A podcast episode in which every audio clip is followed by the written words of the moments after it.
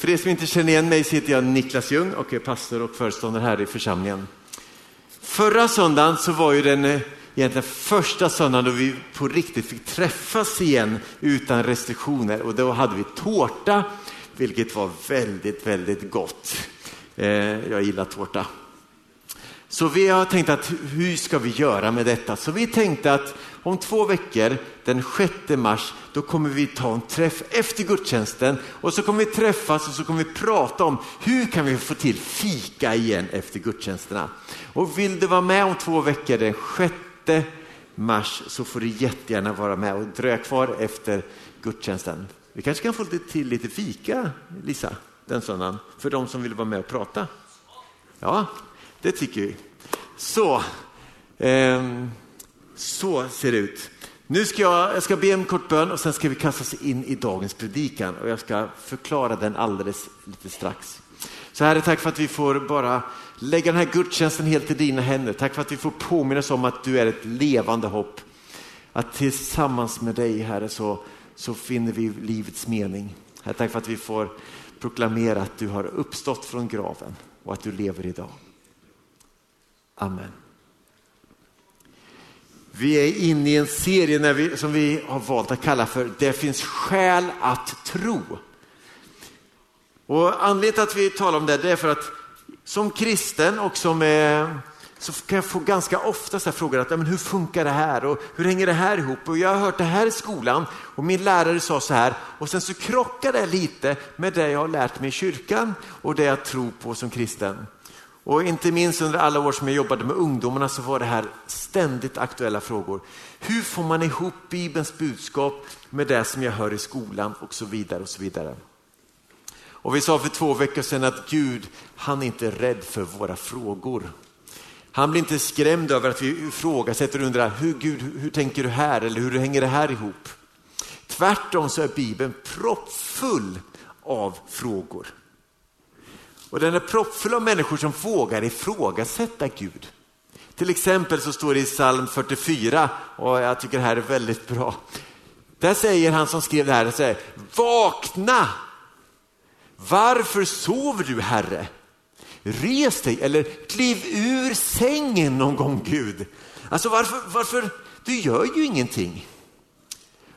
Och Gud han är inte rädd för våra frågor. När vi tycker att livet blir mörkt, att det går emot och vi säger bara Gud var är du någonstans? Då får vi ta de frågorna till Gud och han är inte rädd för dem. Och så för två veckor sedan talade vi om universums ursprung eller uppkomst och vi talade om livets komplexitet. Och så tittar vi på vad säger modern vetenskap och vad kan vi som kristna vara ganska trygga med i vår tro. Paulus han säger bland annat så här i Romarbrevet 1 att det man kan veta om Gud kan de ju själva se. Gud har gjort det uppenbart för dem. Ty allt sedan världens skapelse har hans osynliga egenskaper, hans väldiga makt och gudomlighet kunnat uppfattas i hans verk och varit synliga.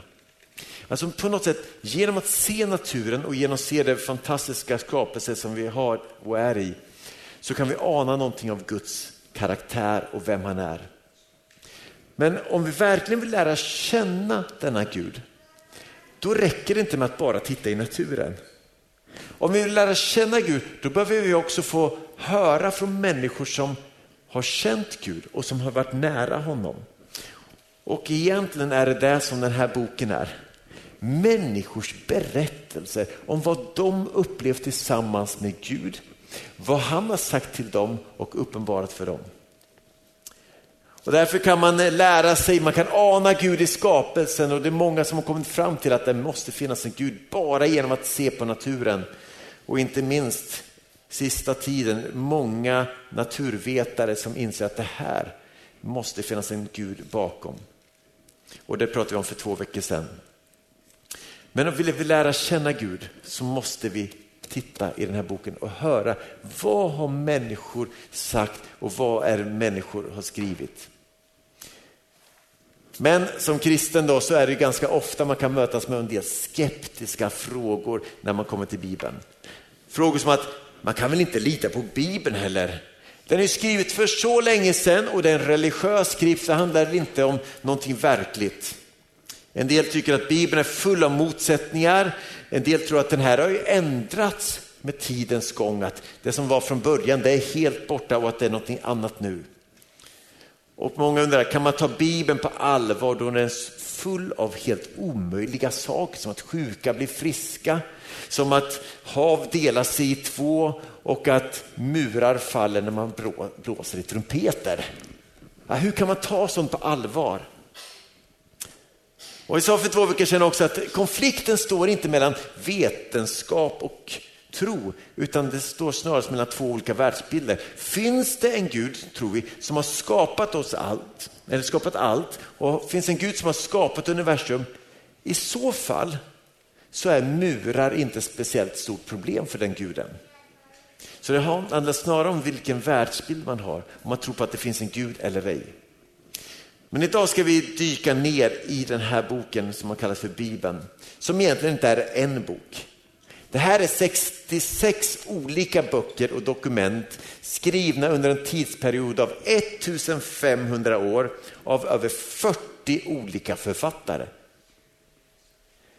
Så det är viktigt idag att vi ska se på det och vi kommer att dyka ner lite mer i det också.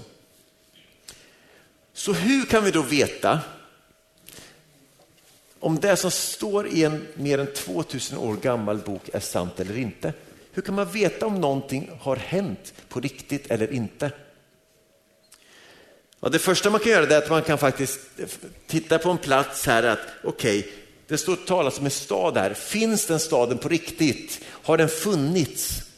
Man kan titta på personer som då skulle vara högt uppsatta som kungar och andra regenter. Att finns det andra belägg när vi tittar i andra skrifter? Finns de här personerna på riktigt? På 1700-talet så växte det fram en ganska stark bibelkritik i Europa. Och man sa då så här att de platser som beskrivs, de personer som beskrivs, de har aldrig funnits. Och sen så började man gräva mycket, från 1700-talet fram så började arkeologin att eh, ta fart. Och helt plötsligt insåg man att plats efter plats och person efter person i Bibeln faktiskt var historiska personer och platser. Och det hände väldigt, väldigt mycket. Därför att det finns en sak som gör Bibeln lite unik också. Den har med väldigt mycket platser, personer och händelser. Det är skillnad från många andra religiösa skrifter som mer bara att det här har Gud uppenbarat för mig och jag förmedlar ett budskap. Bibeln den tar avstamp i historien. Den beskriver de verkliga händelser som hände på verkliga platser av verkliga personer. Eh, bara för att ni ska få ett exempel på det här, från Lukas kapitel 1. Eller Lukas kapitel 3 och vers 1 så står det så här. Under femtonde året av kejsar Tiberius regering när Pontius Pilatus var ståthållare i Judeen, Herodes var tetrark i Galileen och hans bror Filippus i Turien och Trachanitos eh, och Lysanias i Ali, Abilene. Eh. Och när Hannas och Kajafas var överste präster, då kom Guds ord till Sakarias son Johannes i öknen. Alltså det är fullproppat med personer och händelser. Personer som man då på 1700-talet sa att det här, det här har inte funnits. Visserligen, kejsar Tiberius hade man koll på, men de andra sa att det här har vi ingen koll på. Men ju mer man gräver och ju mer man studerar, ju mer inser man att det här faktiskt är riktiga personer. Och under sista hundra åren har plats efter plats och person efter person i Bibeln kunnat verifieras.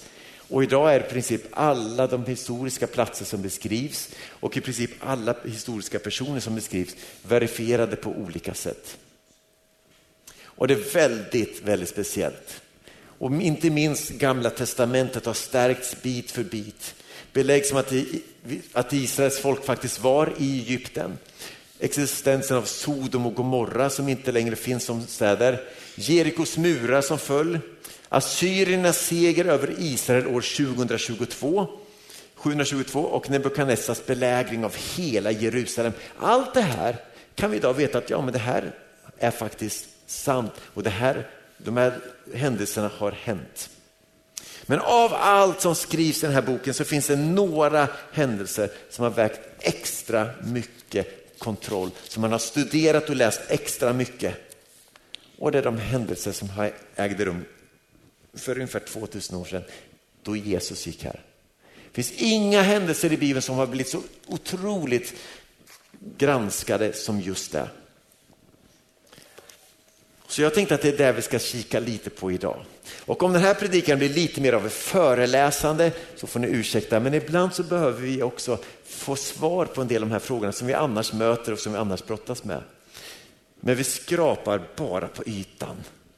Vill du veta mer så kan man gå in på vår Youtube-kanal och så kan man klicka på spellistor och under fördjupning. Där finns det fler föreläsningar som du kan ta del av, bland annat en intervju med mig och Per Evert som är direktor för något som heter Clapham-institutet. Så, det har gjort reklam för det med. Men tre frågor vi ska försöka svara på idag. Det första, har Jesus funnits överhuvudtaget? Hur kan vi veta någonting om Jesus? Och det tredje, kan vi lita på Bibelns beskrivning av Jesus? Det första då, har Jesus funnits? Det sägs att den är en lärobok i Sovjetunionen eh, beskrev Jesus som en mytisk person som aldrig existerat, stod det den. Men idag finns det ingen seriös historiker, ingen seriös forskare som hävdar något sådant idag. Därför att bevisen för Jesu existens är så överväldigande. Bevismaterialet, inte bara i Nya Testamentet utan många andra källor säger att det har funnits en man som heter Jesus Kristus från Nasaret. Och det går inte bortförklara på något sätt. Även om det är många som har försökt det så är det inte många seriösa historiker som tror det. I torsdags passade jag på att lyssna igenom en bok. Eh, sex och en halv timmars bok av Dick Harrison som är en av Sveriges mest kända historiker. Han har skrivit en bok förra året som heter just bara Jesus och handlar om Jesus. Och lyssnar man på 1,6 gånger hastigheten så kan det bli trevlig sysselsättning när man städar och plockar undan och hänger tvätt. Som historiker då, så eh, hävdar Dick Harrison att det inte finns någon tvekan om Jesu existens, att han var en verklig person. Och frågan är, hur kan man veta det? Hur kan han säga något sådant? Och frågan är liksom, hur kan man veta någonting om någon? Hur vet vi att det fanns en kejsare som hette Caesar? Hur vet vi det?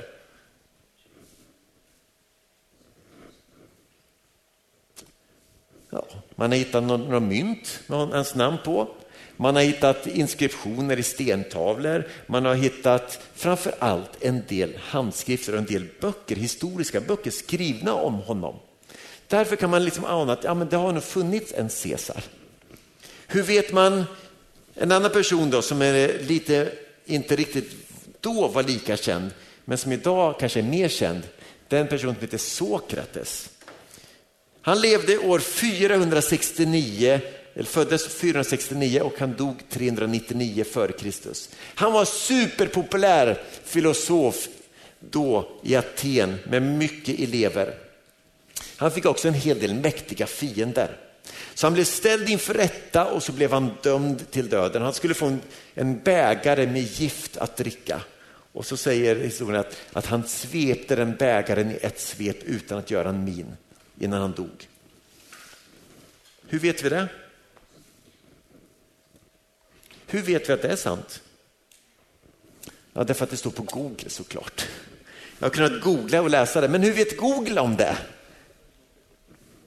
Jo, därför att det fanns personer som skrev ner sina berättelser och som skrev ner det de hade varit med om tillsammans med Sokrates. För Sokrates skrev inga böcker själv, han var ingen kung eller militär som fick några moment, monument resta över sig. Men det fanns fyra källor som man tittar på som nämner Sokrates. Och det är Aristofanes som en, han var komediförfattare. Det var Platon som själv var filosof och han var lärjunge till Sokrates under åtta år. Dag Xenofon som var Sokrates vän och Aristoteles som var, inte träffade Sokrates någon gång men han var Platons lärjunge som fick höra mycket om honom. Det är de här fyra källorna vi har om Sokrates. Det är de som skriver om honom. Och när man då tittar på de här fyra källorna så säger forskarna att det är två av dem som är extra intressanta. Två extra viktiga av de här. Och det är Platon och Xenofon. Varför då? För att de kände Sokrates. De var vänner med honom. Och därför är deras vittnesbörd extra, extra viktiga. Och då kan man då liksom vända på det. Hur kan vi veta någonting om Jesus? Han skrev heller inte några böcker. Han eh, var inte heller någon politiker eller makthavare eller militär. Men då har vi ett antal personer som har skrivit om Jesus. Vi har Josefus som var judisk för eh, historiker, Tacitus, Plinius och Svetonius som alla nämner Jesus och de sista var romerska författare. Totalt har vi inte fyra utan 39 olika källor som talar om Jesus. Och för historiker så är det mest intressanta av allt det historiska materialet, det är inte, det är inte Josefus eller Tacitus eller Plinus, utan man frågar vilka kände Jesus bäst? Och det är Dick Harrison inne på också. Att vem kände Jesus bäst? Jo, det var ju hans lärjungar. Alltså deras berättelse är det viktigaste vi har. Och då är där vi kommer in att vi kan inte bara se Bibeln som en bok. Vi måste se det här som 66 olika böcker. Och Nya Testamentet, det är 27 böcker. Det är 27 olika böcker som är skrivna och ingen av dem hade en tanke på att wow, jag ska skriva en bibel som ska bli världens mest lästa bok en gång. Utan Bibelns författare de skrev ett brev kanske för att skicka till någon annan för att berätta vad de hade varit med om. Men sen kopierades de och de kopierades och de spred sig. Och I Nya Testamentet har vi åtta eller kanske nio olika författare. Matteus och Johannes, det var två som kände Jesus väl. De var lärjungar. Sen har vi Lukas som skrev, han var läkare och han säger att han noga undersökt alla händelser omkring Jesus. Han var kompis med Paulus och Petrus. Sen har vi Markus som också var samtida med Jesus och bland annat reste och liksom var väldigt god vän med Petrus. Och sen har vi då ett antal brev skrivna av både Jesu vänner men också Jesu släktingar. Två av Jesu egna fysiska bröder skrev i Bibeln, Judas och Jakob. Och därför när man tittar på de här berättelserna så säger man, okej, okay, vad säger Matteus? Man plockar ur Matteus. Kan vi lita på Matteus eller kan vi lita på Paulus vad han skriver? Och så vidare. Det finns ett antal saker då som gör de här källorna extra intressanta. Därför att de, för det första så kände de Jesus. De var ögonvittnen, de hade själva varit med om det här. De hade sett Jesus, tagit på honom. Och det andra är att de här händelserna skrivs ner en väldigt, väldigt, väldigt kort tid efter det att händelserna ägt rum. Ungefär 20 till 40 år är de första eh, källorna, eller de flesta skrifterna skrivna. Johannes dröjde lite, han väntade nästan i 60 år innan han skrev ner. Och varför väntar man då 20-40 år? Varför skrev man inte ner på en gång? Jag hade gjort det. Om jag hade nu varit Petrus och sagt att wow vad jag varit med om mycket, jag skriver på en gång. Fast så gjorde man inte på den tiden. Därför att om du ville nå ut med ett budskap om att som någonting fantastiskt du hade varit med om, vad gjorde du då? Då gick du till torget och så ställde du så berättade du att vet ni vad jag har varit med om? Och sen så berättar man om det. Därför att då kunde du nå hundratals, kanske tusentals på en dag. Skulle du skriva, då nådde du en person på fyra, tre, fyra veckor. Det var, det var oeffektivt. Man, ingen gjorde så. Ingen skrev ner för att sprida information på den tiden. Man skrev ner för att dokumentera. Och förmodligen så hade det skett även om vi inte har några av de skrifterna kvar. Men dessutom så fanns det bara ungefär 10 procent av Roms befolkning som kunde läsa. Så varför skriva ner någonting som de flesta inte ens kan ta del utav? Men ändå har vi så mycket skrivet om Jesus. Och frågan är, kan man då lita på de här texterna? Har inte de ändrats med tiden, har de inte korrigerats och förändrats. Och det är där som en del av de här, äh, man brukar tala om de motsättningar som finns i Bibeln. För någon av evangelisterna de beskriver att ja, men vi var så här många som gick till graven och någon annan säger att nej, vi var inte alls så många, vi var lite färre. Men de här motsättningarna som man kan tala om, de stärker Bibelns förtroende. Och De menar att det här är sånt som gör Bibeln mer trovärdig. För när du ska minnas en sak, ja, men vi har ju fem barn, och om de ska berätta om en händelse de varit med om så berättar de det på olika sätt. En del lägger jättemycket fokus på en del och någon annan jättemycket fokus på en annan del. Och det är där vi också ser i evangelierna att man betonar olika saker olika mycket. Och man menar, de som menar att Bibeln har ändrats och man har putsat till det för att den ska vara bättre genom åren, då borde man putsa till en del av de här som man kan tycka fel ändå. Det finns ett stort fel med Bibeln nämligen. Det att det talar om kvinnor. Det gjorde ingen på den tiden. Kvinnor hade ingen plats. Dessutom så säger man att kvinnorna var de som kom först till graven och såg att den var tom. Hade man haft chans att ändra någonting så hade man ändrat på det. För kvinnor hade inte ens liksom rätt att vittna i, i rättegångar på den tiden. Det innebär att deras ord var inte trovärdiga, menar man. Det är ungefär som att vi idag skulle ha en rättegång och sen så har det skett en bilolycka och nu har vi ett vittne som ska berätta vad, vad den här personen har sett. Problemet är att vittnet eh, är, kan inte se. Han är blind. Men han berättar med friskt så här, Åh, fattar ni vad jag såg för någonting? Och vi, vi skulle bara säga att, ursäkta mig, men du har inte sett någonting, du är ju blind. Lika trovärdigt var det på den tiden när en kvinna sa, vet ni vad jag har varit med om? Ja, ja, du har inte varit med. Du är blind. Alltså kvinnor hade inte en röst på det sättet. Men i Bibeln så möter vi att det var kvinnor som kom först till graven och gång på gång är det kvinnor som säger saker om Jesus. Hade man haft chans att ändra i den här boken, då hade man tagit bort det, garanterat. För det var i, för, i den första församlingen var det ett problem. Ni kan inte lita på att Jesus uppstod för det var kvinnor som såg det. Och varför står det då i så fall i vår bibel? Förmodligen för att det var kvinnor som gick först i graven. Och det var väl känt och det kunde man inte ändra på. Så det här är fantastiskt när man läser Bibeln och inser att det finns så mycket i det här som faktiskt stämmer. Och vi skrapar bara lite på ytan. Men det som gör Bibeln extra, extra speciellt tillförlitlig, det är mängden av kopior och den korta tiden från det att vi, vi faktiskt vet att det som skrivs ner till det att vi kan läsa om det. Om vi ska återvända till den här killen Sokrates. Den äldsta kopian av någonting som är skrivet om Sokrates, det är Platon. Och det har gått från det att Platon skrev ner sin bok tills dess att vi har en kopia har det gått 1200 år av tid. Har det ändrats någonting under den tiden? Ja, det vet vi inte.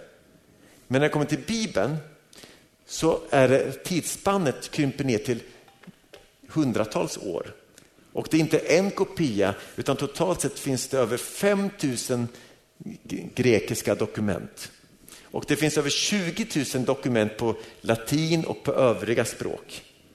Så att mängden källor är otroligt stor. Och normalt sett så brukar man tala om i antik litteratur att det finns 10 till 20 kopior under loppet av tusen år. Då är det rätt så bra. Men så har vi Bibeln som har tiotusentals kopior under loppet av ett antal hundra år, vilket är helt enastående. Och för ju närmare de är skrivna i tiden, desto mindre myter och överdrifter och påhitt brukar finnas i skrifter. Sammanfattningsvis, om man nu ska säga vad den samlade vetenskapen, historiska vetenskapen säger om Jesus, så vet vi att man är överens om att han var en judisk lärare. Hans lärjungar de trodde att Jesus var Messias, det vill säga Guds son. Judarnas ledare de förkastade Jesus och anklagade honom från att häda, det vill säga att, att kalla sig själv för Gud. Han korsfästes under Pontius Pilatus. Och trots sin död fick han många efterföljare som trodde att Jesus hade uppstått. Och det fanns mängder av kristna i staden Rom år, eh, 30 år efter Jesu död, alltså år 60.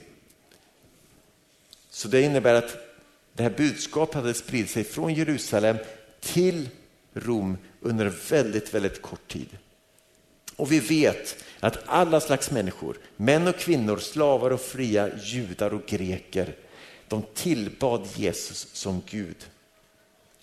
Och i slutet av sin bok så säger Dick Harrison, och jag tror, han har inte någon bekännande kristen tro, men han säger så här att när han tittade på uppståndelsen, den tomma graven, så säger han att det finns fem möjliga vägar här. Och sen så raddar han upp de fem olika alternativen kring varför graven var tom. Och han konstaterar, och förmodligen skulle jag gissa lite motvilligt, och det Harrison säger då att den mest troliga förklaringen till den tomma graven är den mest otroliga. Att Jesus verkligen uppstod från döden. Det är det enda sättet som han så är historiskt tillförlitligt. Så vi vet att lärjungarna redan från start trodde att Jesus var Messias, Guds son. Och när kyrkan växte fram så berättade alla att vi har inte bara hört om honom, vi har lärt känna honom och vi har mött honom som död och uppstånden. Och så att när Bibelns författare skriver så bedyrar de att det här som jag skriver, det har jag riktigt på riktigt varit med om. Petrus han säger så här, det var inte några skickligt hopdiktade sagor jag byggde på när jag förkunnade vår Herre Jesu Kristi makt och hans ankomst. Nej, utan jag hade med egna ögon sett honom i hans majestät. Lukas, som också var, han var läkare, han skrev så här, många har redan sökt att ge en samlad skildring av de stora händelserna som ägt runt ibland oss. Så som de har berättats för oss av de som från första stund var ögonvittnen och blev ordets tjänare. Och efter att ha grundligt satt mig in i allt från början har nu också jag beslutat att i rätt ordning, för han tyckte de andra inte hade rätt ordning, i rätt ordning skriva ner det för dig, högt ärade Teofilus, för att du ska förstå att de upplysningar du har fått är tillförlitliga. Jag skulle våga påstå att historiker och bibelforskare, oavsett om de har en kristen tro eller ej, menar ändå att det vi idag kan läsa i Bibeln är det som en gång skrevs ner. Det har inte förändrats med tiden. Och det här fick en eh, professor i litteratur som jobbade vid Oxford och Cambridge eh, tag i. Och han hade ett sam, flera samtal med en annan känd person som heter J.R.R. Tolkien som bland annat skrev här böckerna om Sagan om ringen. Så när C.S. Lewis då satt på nattliga samtal med Tolkien så berättar han att så insåg jag mer och mer att de här böckerna de är sanna. Och så skriver han så här, nu ställs vi inför en skrämmande möjlighet. Antingen var och är den här mannen, Jesus, då, precis det han sa sig vara. Eller så är han bedragare eller något ännu värre. För mig tycks det vara klart att Jesus varken var en bedragare eller djävul. Och konsekvensen, säger han då, hur konstigt och oerhört den kan verka, är att jag måste acceptera att han faktiskt var och är Gud. Gud själv har landat i mänsklig gestalt på denna av fienden ockuperade planet. Och därför skulle jag påstå att den viktigaste frågan en människa någon gång kan ställa sig, det är den här frågan. Vem var Jesus? Vad vill han? Vem var Jesus? Vad vill han? Jag lyssnade på en man som heter Dallas Willard som är professor i filosofi. Och han, eh, han är också kristen och han fick ofta frågor av sina studenter och elever. Att hur kan du som är så smart och så klok, hur kan du tro på Jesus? Hur kan du följa Jesus? Och då lärare som man är så brukar han, sa han, jag brukar svara med motfråga. Och så sa han så här att, vem hade du annars tänkt att jag skulle följa? Och så ställer han frågan, vem följer du? Eleven då i det här tillfället svarade, ingen, jag följer ingen. Men, svarar han då, men alla följer väl någon? Vem avgör då vilka värderingar du ska ha och vad du ska äta? Ja, men det gör jag ju själv. Ja, men då följer du någon. Du följer dig själv. Hur många efterföljare har du? Den här eleven förstod inte riktigt, jag fattar inte riktigt, det är väl ingen som följer mig heller? Varför inte då? frågade alla Willer. Ja, det finns väl ingen som tycker jag är tillräckligt god, smart eller klok? Okej, okay, svarade han då. Så du följer en människa som du själv inte tycker är värd att följa. Men så säger han där, jag däremot, jag följer Jesus tillsammans med miljarder andra. Och vi har upptäckt att han är tillräckligt god, han är tillräckligt vis och smart. Dessutom tror vi att han är Gud själv och att han erbjuder evigt liv och mening med livet. Vi tror att han är skaparen och har en plan för våra liv. Och så säger han att som jag måste välja så följer jag hellre Jesus. För jag litar inte på min egen förmåga att avgöra vad som är rätt. Och det är där som Jesus inbjuder oss till det livet. Att få följa honom, att få vandra med honom. Att få lära känna honom personligt. Och det Johannes i slutet av sitt evangelium sammanfattar det han har skrivit om så säger han det med de här orden. Att dessa ord som jag har skrivit ner, de är upptecknade för att ni ska tro att Jesus är Messias, Guds son. Och för att ni genom att tro ska ha liv i hans namn. Så tron handlar inte bara om att tro på att det är sant, även om vi kan göra det. Vi kan tro på att det är sant och det är tillförlitligt. Men att tro på Jesus, det är någonting personligt. Vi kan få lära känna Jesus genom att tala med honom, genom att öppna våra hjärtan för honom. Vi kan få lära känna honom och vi kan få följa honom. För att vi tror att han inte bara en gång har funnits, vi tror att han lever idag. Och vi tror att han har den bästa planen för våra liv. Och vi kan få upptäcka att han är vägen, att han är sanningen och livet. Så Herre, tack för att vi kan få verkligen grotta ner oss en, en söndag i ett sånt här ämne. Och vi vet att när vi möter frågor om Bibelns trovärdighet så, så behöver vi inte bli så oroliga. För Bibeln är väldigt trofärdig. Och vi vet att det vi idag kan läsa är det som en gång skrevs ner för att tiden var så kort mellan och, och alla kopior är så många. Och vi vet att det inte har ändrats med tiden. Vi vet att det inte har justerats. Vi vet att du är på riktigt, du har funnits. Och är det som Karlsson sa så, det mest troliga är det mest otroliga, att du faktiskt också uppstod från de döda. Och Herre, tack för att din död kan ge oss liv idag. Och att ditt liv kan fylla våra liv. Och att vi kan få lära känna dig. Jag ber för var och en här inne, du vet precis var vi befinner oss i vår relation med dig. Det viktigaste av allt, det var besvaret på frågan, vem är Jesus för mig? Och jag vet att du är min Herre, du är min frälsare, du är min Gud. Och Herre, jag ber att den, den insikten, den ståndpunkten skulle vi alla komma fram till, att inse att du är hållbar. Du är på riktigt. Så tack Herre för att vi får lägga våra liv i dina händer. Vi ber för alla frågor vi kan få på jobbet eller ibland från grannar eller släktingar och vänner. Tack för att vi kan vara trygga med att Bibeln är tillförlitlig.